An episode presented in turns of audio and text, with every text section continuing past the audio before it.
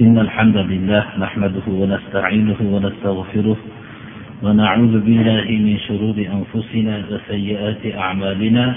من يهده الله فلا مضل له ومن يضلل فلا هادي له. وأشهد أن لا إله إلا الله وحده لا شريك له. وأشهد أن محمدا عبده ورسوله. أما بعد السلام عليكم ورحمة الله وبركاته.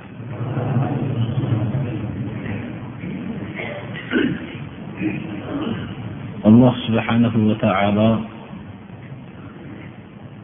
ummati muhammad sollallohu alayhi vasallamni qur'oni karim bilan mukarram qildi.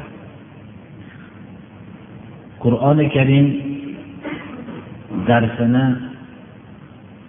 juma kunlarida dars qilib o'rganayotgan bo'lsak ham bu dushanba kungi darsimizda qur'oni karimning bir nuqtasini alohida o'rganishlik o'zimizga bir munosib ko'rdik. Bu alohida darsimiz qur'oni karimdagi ya ayyuhallazina amanu nidosiga bog'lanadi. Qur'oni karimda to'qson o'rinda ey iymon keltirgan kishilar deb alloh taolo nido qiladi. Bu to'qson o'rin har bittasi o'ziga xos bir nuqtani kasb qiladi. Shu to'qsonta iymon keltirgan kishilarga bo'lgan nidoni inshaalloh allohni izni bilan shu dushanba kunlik darsda o'rganamiz. Birinchi biz suray baqaradan boshlaymiz. Suray baqarada o'n bir o'rinda ey iymon keltirgan kishilar degan nido ya'ni yigirma to'rt varaq bo'lgan suray baqarada ey iymon keltirgan kishilar degan nido to'qsonta o'rinning o'n bittasi suray baqarada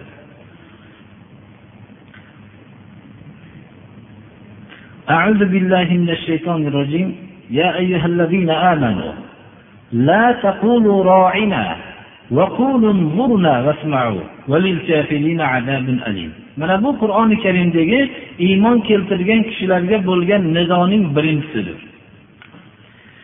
abdulloh ibn masud roziyallohu anhu aytgan ekanlarki bir kishi u kishini oldilariga kelib menga bir ahd qilib vasiyat qiling deganlarda aytgan ekanlarki إذا سمعت الله يقول يا أيها الذين آمنوا فأعرها سمعك فإنه خير يؤمر به أو شر ينهى عنه degan ekanlar agar alloh subhanahu va taoloni ya ayyuhallazina amanu ey iymon keltirgan kishilar degan nidosini eshitadigan bo'lsang qulog'ingni yaxshi soginda olloh seni chaqiryapti. Agar bir hurmatli odam chaqirsa butun vujudimiz bilan quloq solamiz. Olloh subhanahu va taolo chaqirarmikin deb o'zi orzu qilishimiz kerak edi. Bizni alloh subhanahu va taolo iymon sifati bilan chaqiryapti. Boshqa sifatimiz bilan emas. Yo bir qaddi qomatimizga bu nido bag'ishlangan emas. Yo farzandlarimizni ko'pligiga yo moli davlatimizga yo qasrlarimizga yo boshqa narsaga emas. Iymon sifatiga. Ayting ey muhammad alayhissalom rabbim sizlarni hech ham e'tiborga olmaydi agar iymoninglar bo'lmasa deng. Demak shu iymon bilan bizni chaqiryapti ekan. Abdulloh ibn masud aytgan ekanlarki qulog'ingni yaxshi solgin yoshi nidodan keyin senga buyuriladigan bir yaxshilik keladi yo qaytariladigan bir yomonlik keladi. Buyurilgan yaxshilik ham qilmoqlik zarur qaytariladigan yomonlikdan tiyilmoqlik kerak degan ekan. Demak mana bu nido birinchi nido. Bu rasululloh sollallohu alayhi vasallamga adab saqlashlik bilan boshlanadi. Demak din dinning asosi nima o'zi. Rasululloh sollallohu alayhi vasallam oliy xulqlarni kamoliga yetkazishlik uchun payg'ambar qilib jo'natildim dedilar. Demak birinchi adab. Adab nima? Rasul sollallohu alayhi vasallamga adab saqlashlik. U kishiga adab saqlashlik aslida o'zi u kishiga ergashishlikdir bir odam bir odamga nisbatan odobda bo'lishligi unga nisbatan nihoyatda ergashganligi bilan isbotlaydi. Birinchi nido rasul sollallohu alayhi vasallamga nisbatan odob saqlashlik bilan boshlanadi. Oxirgi nido qur'oni karimda nasuh haqiqiy tavba bilan tamom bo'ladi. Haqiqiy tavba qilishlikka alloh taolo buyuriydi. Ya tubu ilallohi tavbatan nasuha oyati bilan tamom bo'ladi. To'qsoninchi nido demak hayotning oxirigacha inson doim qilgan amaliga haqiqiy tavba qilishlik bilan o'tishlikka harakat qilmoqligi kerakki haqiqiy tavba agar musharraf bo'lsa shu bilan insonning hayotining avvali rasul sollallohu alayhi vasallamga adab saqlashlik oxiri haqiqiy tavba bilan bo'lsa u mukammal mo'min bo'lishligiga ishora bo'lsa kerak vallohu alam. Mana bu adab nima? Yahudlar rasululloh sollallohu alayhi vasallamning masxara qilishlikka butun vujudlari bilan harakat qilishardi. Hatto u kishini oldiga oysha roziyallohu anhu onamizdan rivoyat qilinadiki bir yahud keldi. Assalomu alayka dedi. Va alayka dedilar rasululloh sollallohu alayhi vasallam. Oysha onamiz g'azablandim dedilar. Yana assalomu alayka deb yana xitob bo'ldi yahudiy tarafidan. Yana va alayka dedilar. Uchinchi marta ham assalomu alayka dedi. Uchinchi marta ham va alayka dedilar. Rasululloh sollallohu alayhi vasallam oldilarida o'zimni tutib turolmadimda yo rasululloh nima deyayotganligini eshityapsizmi? dedim. Som arab tilida o'lim degani. O'lim sizga bo'lsin deyapti payg'ambarimiz sallallohu alayhi vasallam meni nima deyayotganimni ham eshitdingizmi dedilar. Men o'lim sizga bo'lsin dedi va alayki o'zingga qaytsin deb turdi. Shu darajada masxara qilishlikka zarracha imkoniyat topishsa shu masxara qilishardi. Hatto aksa urolmasa aksa urganga o'xshab payg'ambarimiz sollallohu alayhi vasallamni bilishardiki duolar ijobatligini ollohni rahmati bo'lsin degan deb hujjatlab olaylik yahudlar o'zini aksa urganga o'xshatishardi.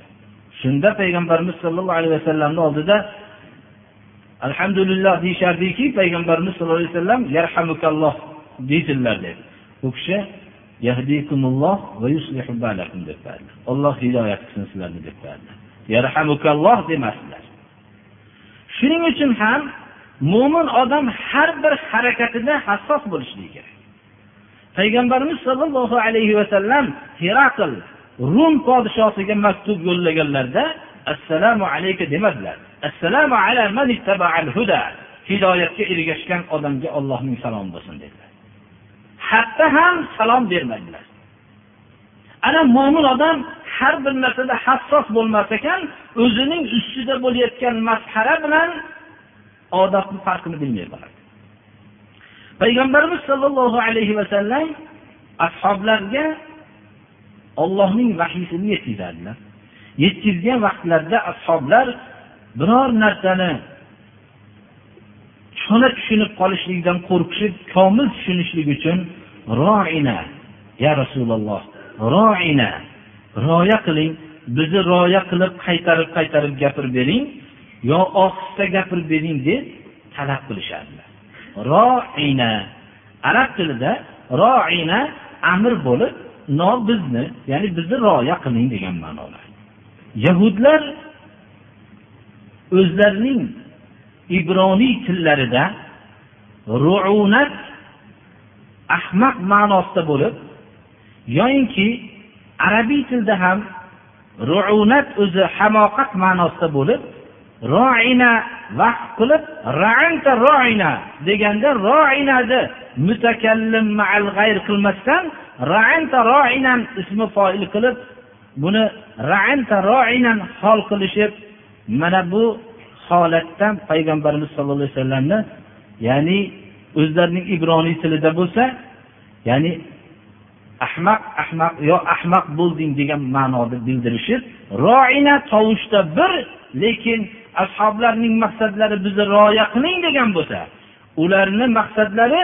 ruunat ahmaq ma'nosini iste'mol qilishganligi uchun alloh subhanahu va taolo mana bu oyatni nozil qildi.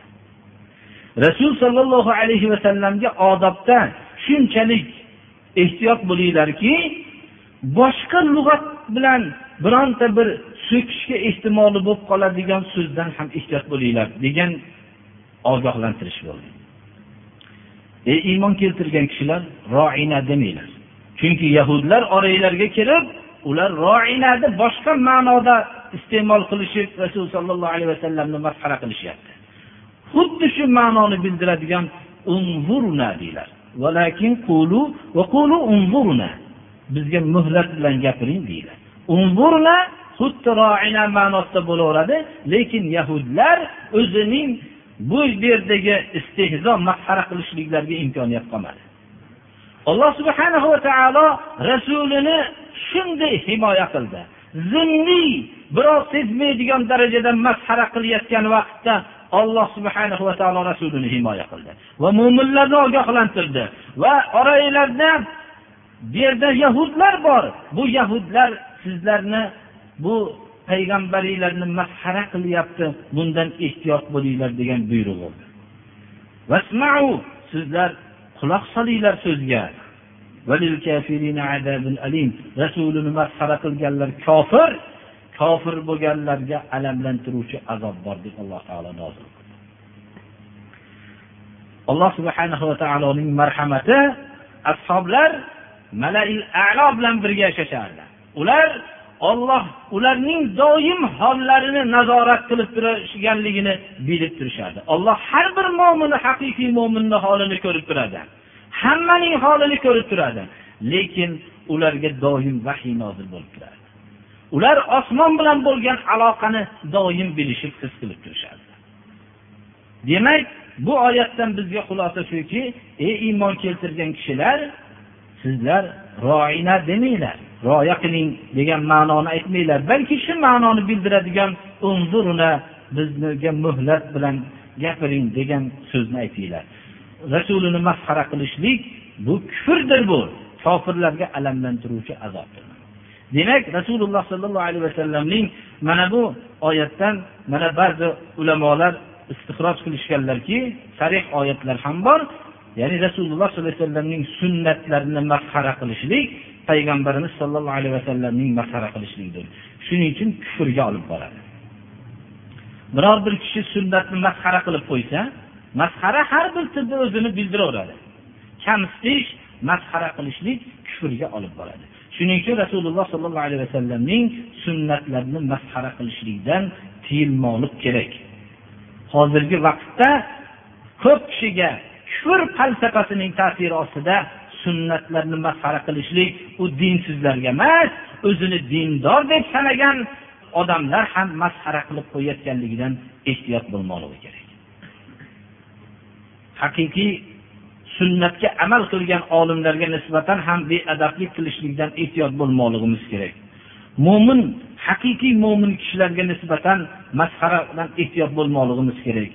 ayollar ayollarni masxara qilishlikdan ehtiyot bo'lmoqlik kerak inshaalloh nido davomida eshitamiz mana يا أيها الذين آمنوا لا يسخر قوم من قوم عسى أن يكونوا خيرا منهم ولا نساء من نساء عسى أن يكون خيرا منهن ولا تلمزوا أنفسكم ولا تنابزوا بالألقاب بئس الاسم الفسوق بعد الإيمان ومن لم يتب فأولئك هم الظالمون mana bu masxara umuman durust emas bir erkaklar jamoasi ikkinchi erkaklar jamoani masxara qilmasin.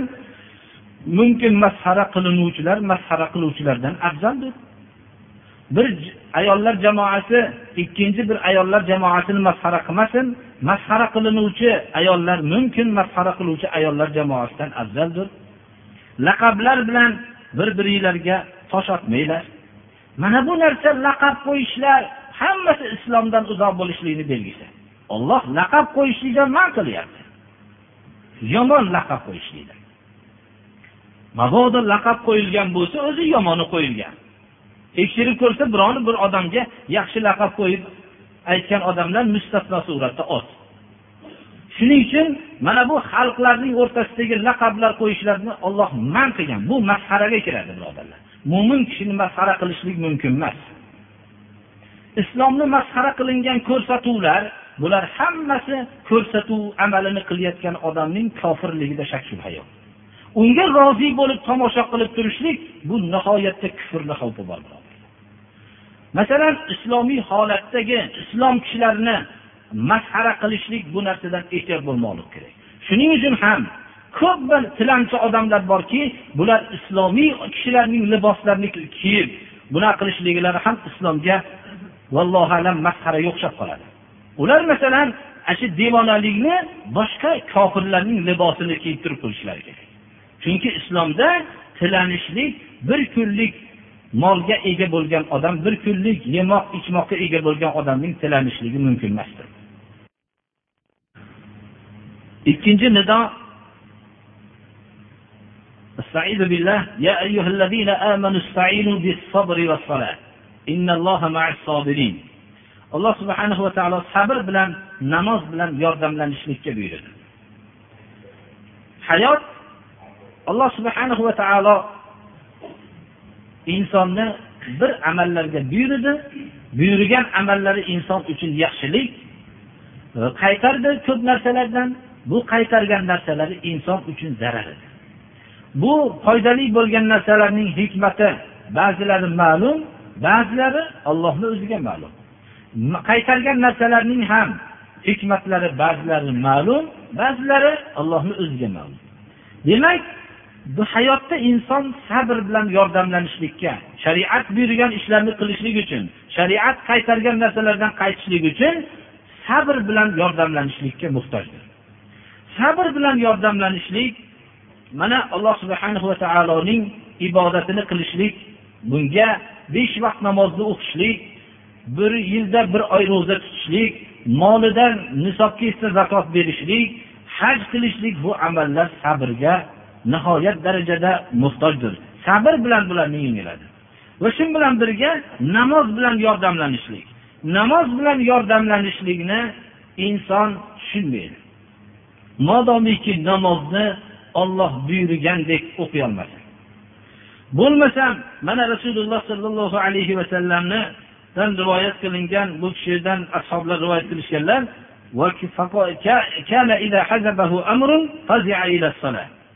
agar bir ish tashvishga solib qo'ysa rasululloh sollallohu alayhi vasallamni darrov namozga murojaat qilardilar darrov namoz o'qirdilarda haligi og'ir bo'lib kelayotgan musibatni his qilishlari namozda yo'qolib ketardi. Inson agar biror bir og'ir musibat bo'lsa bir katta hurmatli odam bilan uchrashishligi bilan o'zidagi musibatni esdan chiqarib qo'yadi. Alloh subhana va taologa munojot qilishligi bilan insondagi musibat ko'tarilib ketadi. O'ylab ko'rilsa hamma narsaga qodir bo'lgan har qanday zararni daf qilishlikka har qanday yaxshilikni yetkazishlikka qodir bo'lgan zotga munojot qilayotganligini his qilolsa inson unda boshiga yetayotgan musibatlar ko'tarilib ketadi. Shuning uchun ham rasululloh sollallohu alayhi vasallam arihna ya bilal ey bilol meni rohatlantirgin dedilar. Azon aytishlik bilan u kishi rohatlanib allohga munojot qilishlikka tayyorgarlik ko'rishlik bilan o'zlarida bir rohat bo'lardiki hayotning mashaqqatini esdan chiqarardi. Tahajjud namozi ham payg'ambarimiz sollallohu alayhi vasallam kechqurunda turishlikka buyurdi alloh taolo kechaning yarmida yoyinki uchdan bir qismida yo uchdan ikki qismida turishlikka olloh ixtiyor berdi. Shu sababini bayon qilganda biz sizga og'ir yukni yelkangizga tushiramiz. Ya'ni da'vat ishini risolat vazifasini yelkangizga yuklaymiz. Shuning uchun bunga tayyorgarlik ko'ring. Bunga sizga tahajjud sahardagi namoz sizni yukingizni yengillatadi ana bu narsani tushunishlik uchun biz haqiqiy namoz o'qigan vaqtimizda bu kalima bizga tushunarli bo'ladi ey iymon keltirgan kishilar hayotdagi ollohning buyruqlarini bajarishlikda sabr va namoz bilan yordamlaninglar degan ma'no shunda bizga tushunarli bo'ladi. Alloh subhanava taolo hammamizga shu namoz bilan yordamlaninglar degan ma'noni tushunishlikni alloh nasib qilsin. Shuning uchun ham salotul xavf qo'rquv vaqtidagi dushman bilan ro'baru bo'lib turgan jang maydonidagi namozning suratini qur'oni karimda sura nisoda alloh taolo bayon qildi.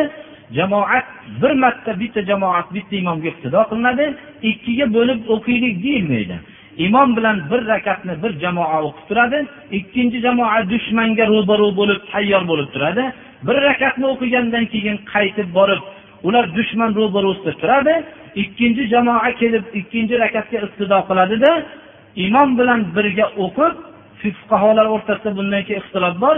Ikkinchi rakatni o'qiganlar turib birinchi rakatni tamom qilishgandan keyin avvalgi ketganlar keladida imomdan bilan o'qisholmagan bir rakatni ado qilishadilar. Ularning qaytib borib o'zlarining qurollari bilan dushmanga ro'baro bo'lib turishlari yurishlari namozlarni buzmaydi.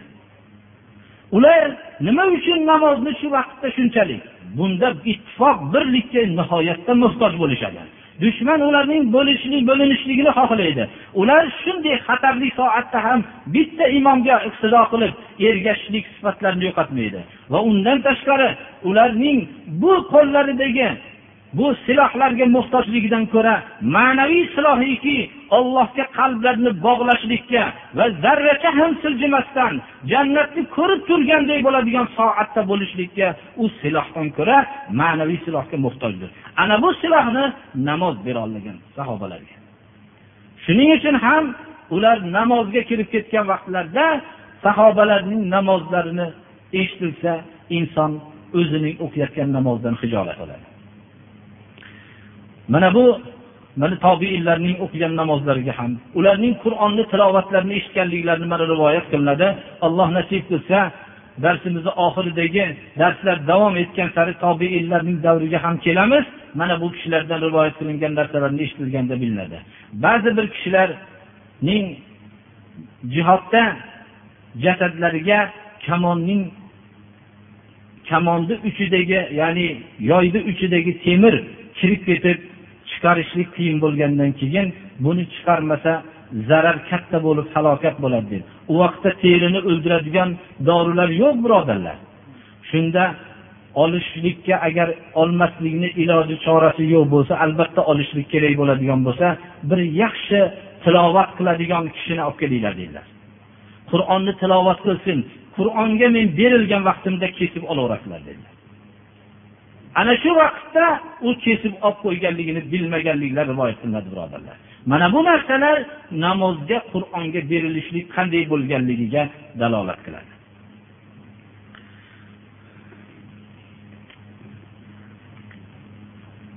uchinchi nido يا أيها الذين آمنوا كلوا من طيبات ما رزقناكم واشكروا لله إن كنتم إياه تعبدون halol taom yeyishlik haqida. Ey iymon keltirgan kishilar biz rizq qilib bergan narsalarning pokizalaridan yeyglar olloh buyuryapti olloh bizga rizqni ko'pini bergan. Buning ichida toyibotlarini yeyglar deyapti. Ollohga shukur qilinglar. Agar ollohgagina ibodat qiladigan bo'lsanglar. Demak olloh bizga bergan rizqlar halol ham rizq harom ham rizq. Bu rizqlarning hammasini yeyishlikka olloh bizni buyurmayapti. Balki bergan rizqlarining toyibotlarini yeyishlikka buyuryapti. Haromlarni yemaslikka buyuryapti. Mana bu narsa inson vujudga keladi. Bu nido faqat iymon keltirgan kishilarga.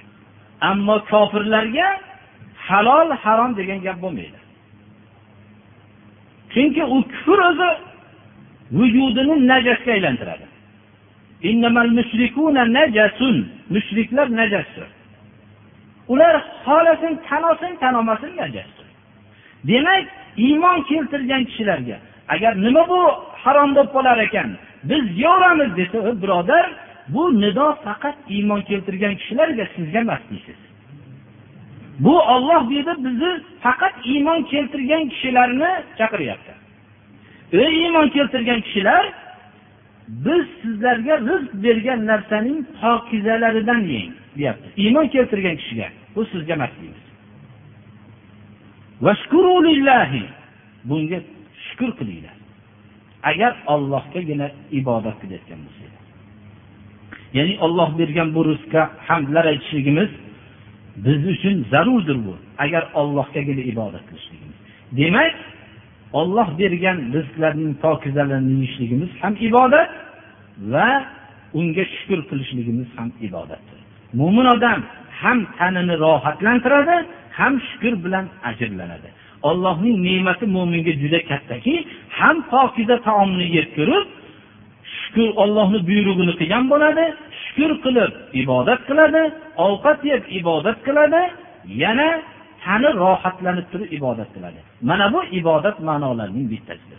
Ammo kofirchi nimani yesa ham u ollohni ne'mati ekanligini tan olmaydi. Yoyinki shukur qilmaydi.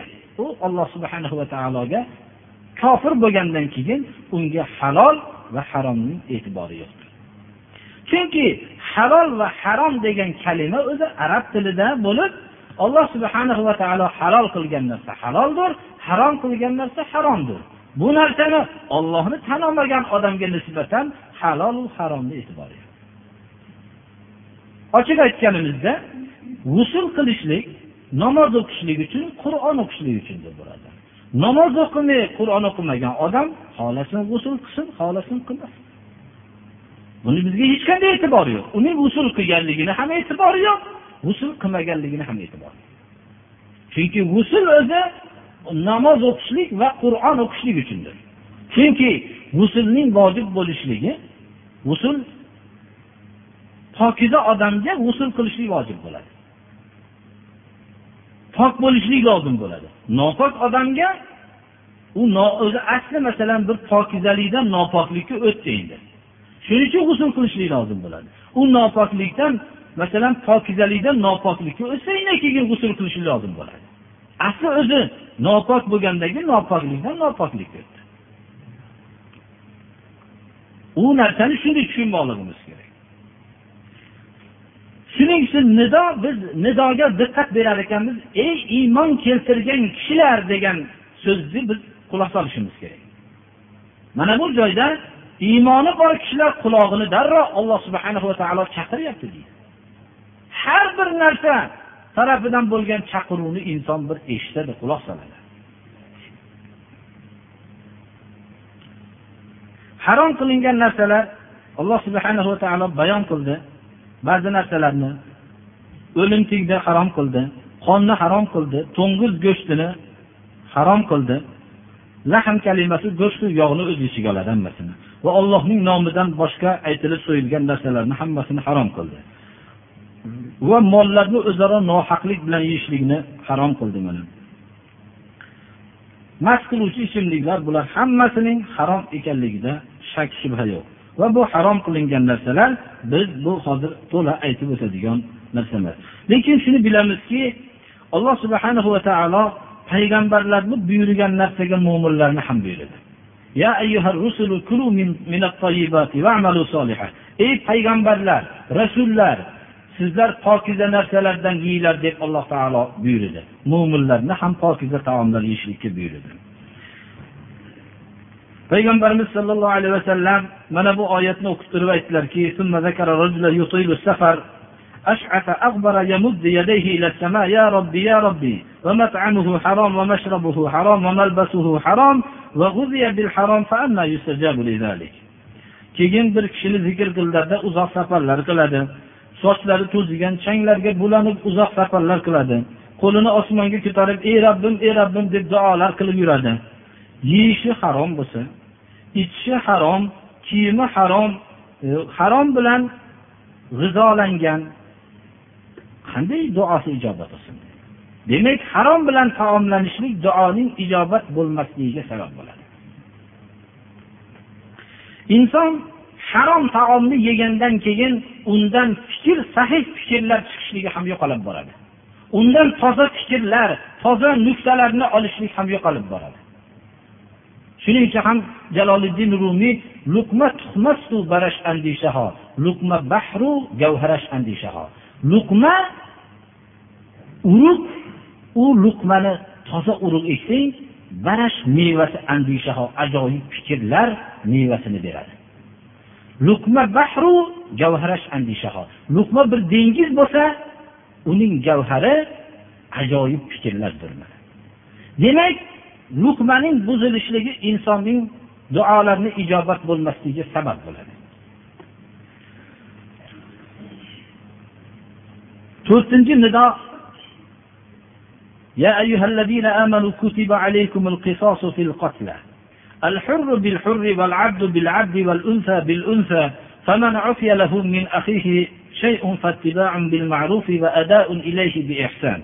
ذلك تخفيف من ربكم ورحمة فمن اعتدى بعد ذلك فله عذاب أليم. alloh subhanahu va taolo bu nidoda iymon keltirgan kishilarning qatl qilingan kishilarningga qisos haqqini beryapti. Demak bir kishini ikkinchi bir kishi qasddan qatl qilsa qisos olinadi. Agar o'ldirilgan odamning merosxo'rlari qisosni talab qilishsa. Agar qisosni aql qilishsa alloh ajr beradi. Yo'q qisosni olishni o'rniga diyat to'lansa uni ham ruxsat beradi. Ammo talab qilishsa merosxo'rlar qisosni talab qilsa albatta qisos olinadi. Bu oyat birinchi vaqtda al hurru bil hurri agar hur odamni o'ldirilsa uning muqobalasiga hur odamni o'ldiriladi. Qulni o'ldirilsa uning muqobalasiga qulni o'ldiriladi. Val unsa bil unsa ayolni o'ldirilsa uning muqobalasiga ayolni o'ldiriladi. فمن عفي له من أخيه شيء فاتباع بالمعروف وأداء إليه بإحسان mabodo birodari tarafidan afv qilinsa ya'ni kechirilsa unda ma'ruf endi diyatni talab qilishlikda haddan tashqari ko'p diyat talab qilmasin ya'ni ma'rufan talab qilsin va unga ado qilayotgan taraf ham bu endi uncha qattiq talab qilmaydigan odam ekan demasinda ehsonan yaxshi qilib bersin bu ham harakat qilsin Bu rabbiylar tarafidan sizlarga yengillatishlikdir va rahmatdir. Kim bundan keyin endi diyatni olgandan keyin tajovuz qiladigan bo'lsa unga alamlantiruvchi azobdir. Bu oyat surai moida oyatidan ilgari nozil bo'lgan.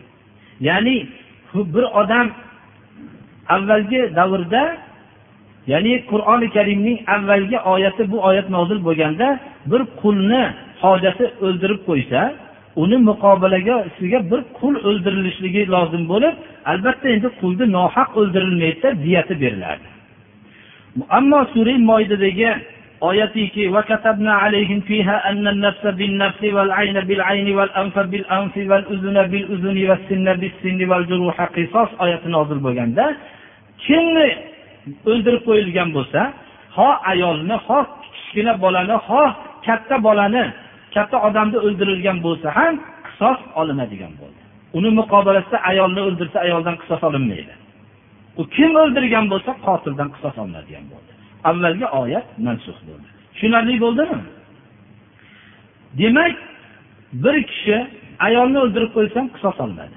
Bir kishi qulni o'ldirib qo'ysa ham qisos olinadi. Bir kishi yosh bolani o'ldirib qo'yilsa ham qisos olinadi. Va shuni qatorida ko'ziga bir odamni urib ko'zini nobud qilib qo'ygan bo'lsa undan ham qisos xuddi shu suratda olinadi burnini jarohatlab burniga zarar yetkazgan bo'lsa undan ham qisos olinadi quloqqa zarar yetkazilgan bo'lsa uni ham qulog'idan qisos olinadi va tishi sindirilgan bo'lsa uni ham tishini sindirilib qisos olinadi hamma jarohatlar alloh subhanahu va taolo qisos qilib yozdi. Ba'zi bir diyat haqida ham shuni bilishimiz kerakki diyat nima?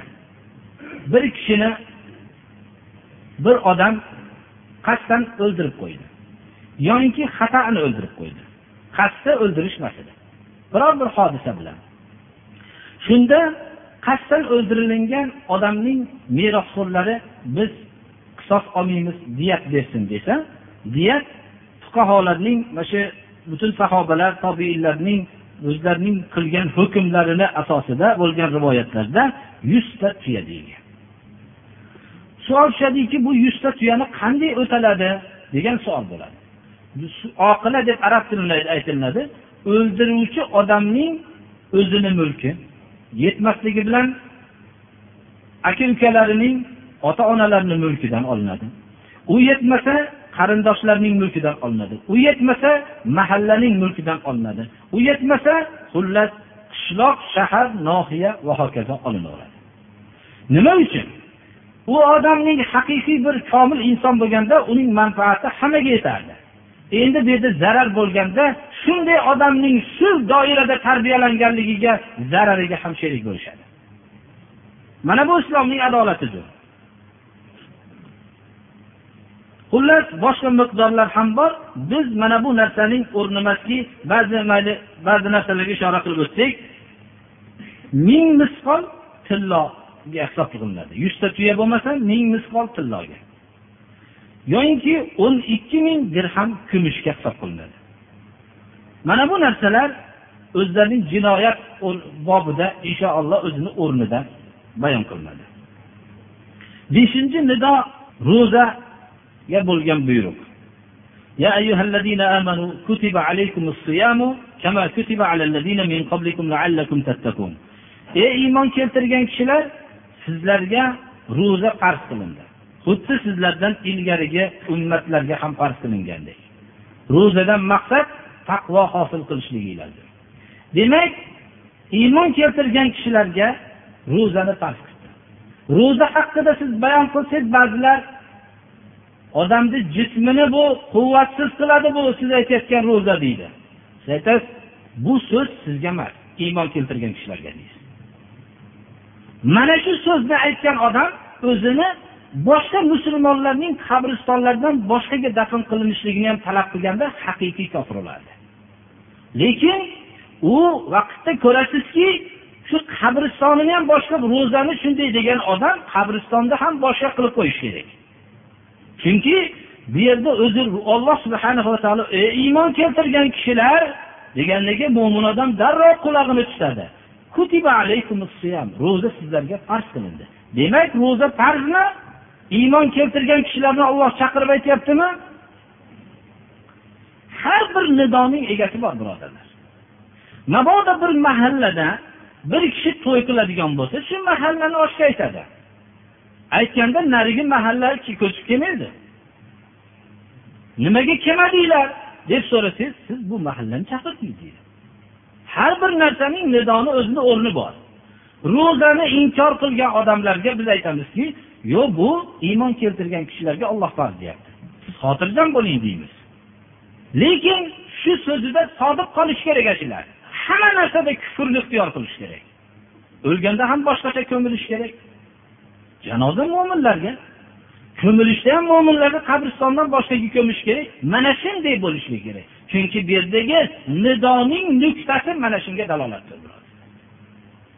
Shuning uchun ham alloh subhana va taolo bu yerda mo'minlarni aziz qilib ey mo'minlar sizlarga ro'za farz qilindi demak avvalgi hukm bo'lyapti birodarlar qisos. Bu hukmni meni qarindoshim o'lib ketaveradimi? Men shu molni to'lolmayman men bu ishlarni qilolmayman. Deb tursa yo'q bu sizga emas bu mo'minlarga nido bo'lyapti deymiz demak mo'min kishi har bir ollohning buyrug'iga bo'ysunmoqligi kerak. Biz ro'zaning bu yerdagi yaxshiliklarni bayon qilish ustida emasmiz. Faqat bitta hadis bilan cheklanamizki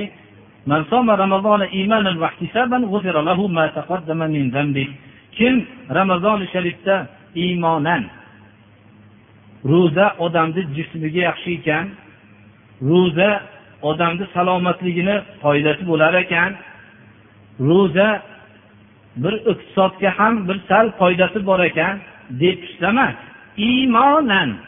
Olloh meni chaqiribdi ro'za tutishlikka. Ey iymon keltirgan kishilar deb chaqiribdi. Deb shunga labbiy deb iymonan ro'za tutgan bo'lsa kechqurunda iftorlarda hijolat bo'lar edasan deb emas. Balki qariganingda bu bunaqa ro'za tutmay yurishlik xunuk bo'lar ekan deb emas. Vaqtisaban allohni huzuridan ajrni umid qilib ro'zani tutgan bo'lsa o'tgan gunohlariga kafforat bo'ladi. Birodarlar ishdan ta'tilga chiqib turib ro'za tutaman boshqa nima qilib ro'za tutaman jismimni tandurustlik bo'lishi ro'za tutaman degan odamlar o'zini niyatiga yarasha bo'laveradi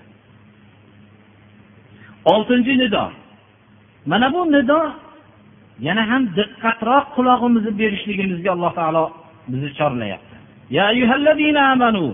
ادخلوا في السلم كافة ولا تتبعوا خطوات الشيطان إنه لكم عدو مبين فإن زللتم من بعد ما جاءتكم البينات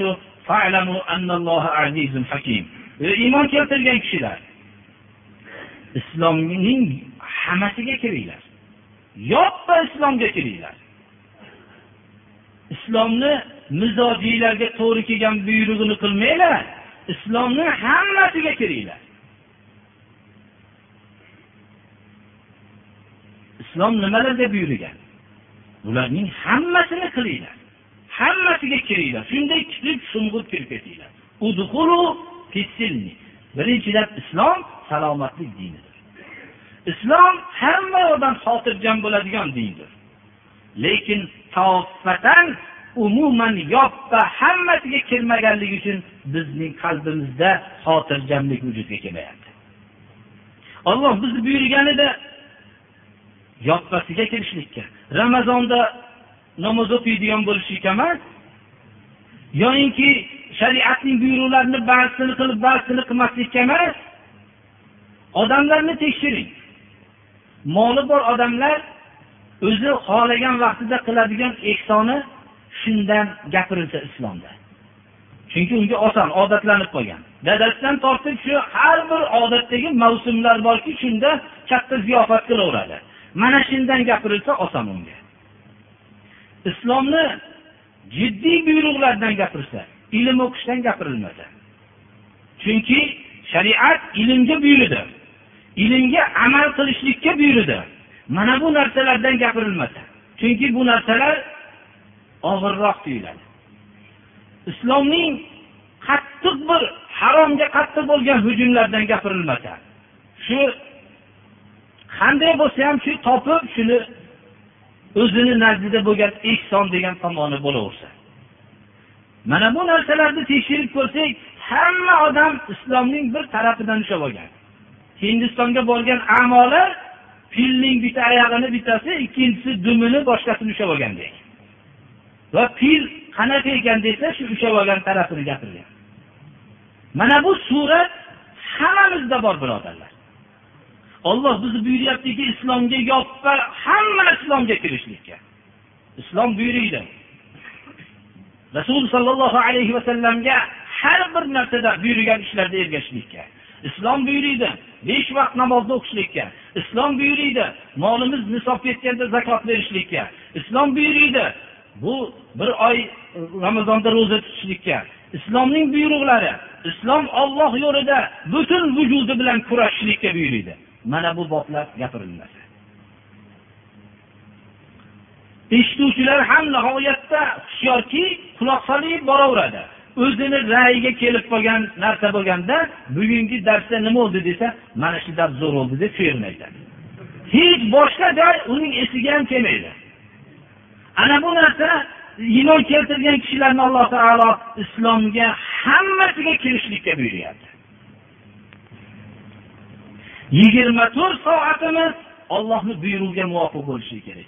Ko'p kishilar o'ylaydiki bu narsa juda qiyin deb o'ylaydi. Islomni biz sinim deyapti alloh taolo salomatlik xotirjamlik yoppasiga kirib oling. O'ylang haq nima bo'lsa shuni qilaman bugundan deng o'tdingiz tamom hech qiyinchilik yo'q. Odamlar osiy bo'lishib juda ko'p qiynalyapti bu narsa. Shaytonning izlariga ergashmanglar. Islomning ko'rsatmasidan boshqa hamma yo'l hamma jamoalar. Baribir shaytonning yo'lidir.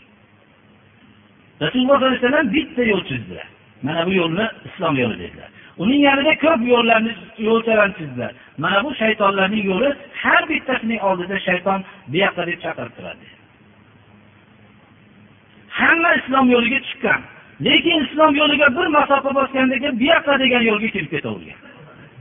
Bu islom yana ba'zisi bir masofagacha chidagan u yerga borganda bu yoqqa degan ikkinchi taklif qiluvchi shaytonni yo'liga kirib ketgan. Umuman masofaning oxiriga borguncha juda kam odam qoladi birodarlar ko'p kishilarning islomlari shuki dunyoviy ishlari yurib tursa musulmon bo'lishib turadi. Dunyoviy ishlarga putur yetib qolgan vaqtda o'qishni boshladimu dunyo ishi bo'lmay qoldi. Demak o'qishni to'xtatishim kerak deb o'zi to'xtadi endi undan tashqari dunyoviy ish yurib yurgan bo'lsa ham o'qishni to'xtatib qo'yishadigan bo'lib qola qoldi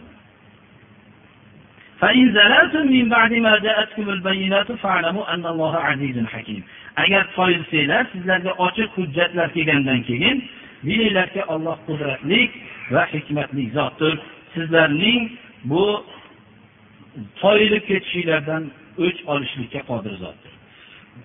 Yettinchi nido olloh yo'lidagi infoq bu zakotdan boshqa narsadir استعيذ بالله يا أيها الذين آمنوا أنفقوا مما رزقناكم من قبل أن يأتي يوم لا بيع فيه ولا خلة ولا شفاعة والكافرون هم الظالمون ey iymon keltirgan kishilar biz rizq qilib bergan narsalardan ollohni yo'lida sarf qilinglar sizlarga bay bir narsa sotib qutuladigan kun yo'q bunaqa kun yo'q. Shunaqa kunlar kelib qolishligidan ilgari ollohni yo'lida infoq qilinglar. Endi u yerda bir narsani sotib qutulib olaman deb hayolinglarga ham keltirmanglar.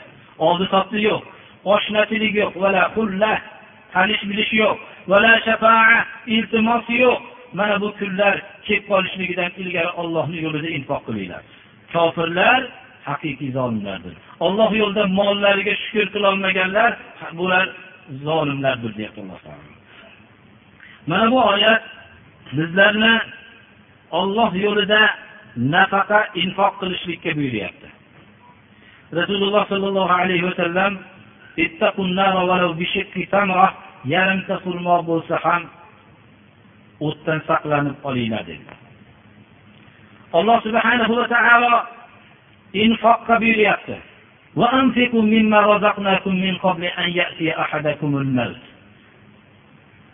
فيقول رب لولا أخرتني إلى أجل قريب فأتصدق وأكن من الصالحين الله subhanahu va taolo mana bu oyatda biz rizq qilib bergan narsadan infoq qilib olinglar bir kun kelib o'lim kelib qolishlikdan ilgari o'lim kelib qolganda sizlarni bittalaringlar aytadiki ey robbim meni bir ozgina bir muhlatga ila ajaling qorib ko'pmas bir ozgina muhlatga o'limimni kechiktirib turgin. Bir sadaqotlar qilib o'zingni yo'lingda bir yaxshi solih odamlar jumlasidan bo'lib olay. Ozgina ila ajaling qorib ozgina muhlatga bir qo'ygin deb qoladigan kun kelishidan ilgari ollohni yo'lida infoq qilinglar. Men hozirgi shu yerda turgan jamoaga bir qalblarni shunday ochib turishsalar bir shu infoq haqida bir hamma odam o'ziga bir vazifa qilib qolishi kerak. Vojib qilib demoqchi emasman. O'zimning kasbimni yuzdan birini bo'lsa ham ollohni yo'lida infoq qilaman deb mana bunday o'ziga bir ahdga o'xshagan qilib olishi kerak. Zakotdan tashqari agar shu narsani qilmasa birodarlar alloh subhanava taolo baribir undan oladi. Qanday qilib oladi? Alloh subhana va taolo mana bu hadis shariflarda borki boshiga musibatlar tushirish boshqa qilishlik alloh taolo baxildan o'zi beriladigan narsani majbur suratda chiqaradi lekin ajr bermaydi deydi. Mana ko'p kishilarni ko'rasiz. Ixtiyoriy holatida biror bir narsani infoq qilmaydi. Yomon tush ko'rib qolganda ko'rasiz. Xotamtoy qiladi yana bu ko'p kishilarni ko'ring. Qattiq dardga chalinib qolganda xotamtoy u tarixdagi xotamtoy emas mana shu odam xotamtoy deysiz. Ixtiyoriy ravishda hech qanday infoq qilmaydi. Mana bu narsalarga alloh subhana va taolo ajrlantirmaydi birodarlar. Mana bu narsani infoqqa buyuryapti har bir kishi o'zining sho'hdan saqlanishligi kerak. Shoh umumiy baxillik. Bu narsa insonlarning halok qilishlikka olib boradi. Jamiyatlar halok bo'ladi. Hozirgi jamiyatlarning vayron bo'lishligi faqat shoh kasali bilan. Rasululloh sollallohu alayhi vasallam o'zlaridan o'tgan ummatlarning hammasini halokatini shoh umumiy baxillik bilan halok bo'lganligini bayon qildilar. Mana bu narsa hozirgi jamiyatni vayron qilyapti. Dedi bir kishi so'rabdilarki mahram bo'lmagan kishi bilan ayol kishi namoz farz jamoatini o'qisa bo'ladimi debdilar. Albatta bo'ladi. Mana shu mana shu jamoatda o'qilayotgan namoz shunaqa namoz. Lekin bu yerda oxirida bir savol bo'lyaptiki agar er kishi yakka bo'lsachi u narsa mumkin emas. Yakka er kishi u nomahram bo'lsa unga iqtido qilib o'qishlik mumkin emas bo'ladi. Chunki shariat ajnabiy erkak bilan ayol kishining xoli bir joyda turishligini man qilgan xoli surat. Biz qur'on oyatidagi sajdani so'rabdilar. Sajda oyatini o'qigan vaqtda sajda qilaveradi. Shu vaqtda qilishligi yaxshi. Sal bir sabab bo'lib tahir qilsa zarari yo'q. Sajda duosini o'qishligi o'qimasligi ixtiyor o'zida. Masalan bu bu mustahablarga kiradi. Biza bir kishi aytadilarki bir odam musulmonlarni ichiga kelib nasoro diniga da'vat qilyapti. Bu odam endi nasoro diniga da'vat qilsin siz uni islomga da'vat qilishingiz kerak. Shu javob shu. Ya'ni uni islomni tushuntirishlik kerak uni botilligini bayon qilishlik kerak. Nasoro yo'lini masalan ollohni yo'lini o'zgartirishganligida ularni shak shubha yo'q. Ular botil ahllari. Iso alayhissalomni ollohni o'g'li deyishadi. Agar ollohni o'g'li demasa u nasoro ham emas o'zi. Shuning uchun nasorolik kofir bo'lgan. Ular bularni hamma e'tiqodotlari qosida bularni bayon qilishlik kerak. Bizni yo'limiz haq ekanligini shak shubha yo'q yana bir kishi so'rabdi yosh bolalar o'ynaydigan qo'g'irchoqlar uyda bo'lsa ibodatga zarari bo'ladimi e, yosh bolalar qo'g'irchoqlarda bir qiz bolalar o'ynasa buni zarari yo'q. Buni ibodatga ham zarari yo'q. Chunki qo'g'irchoqlar hammasi yerda bo'ladi birodarlar. U haligi odamlarniki odamcha keladigan qo'g'irchoqlarni haligi tepaga qo'yib qo'yganlar u qo'g'irchoq emas. U shu bolalarni ulfati desa bo'laveradi. Ya'ni buni biz qo'g'irchoq deb yerda yerda xorlanib yurgan narsaga ruxsat bo'ladi. Chunki yerda xorlanib yuribdi. Yerda xorlangan narsa bo'laveradi alloh subhanahu va taolo nasihat yozganlarga alloh taolo biz qo'limizdan kelgancha javob berdik alloh taolo o'zi qabul qilsin bularni yozganligiga ajr bersin.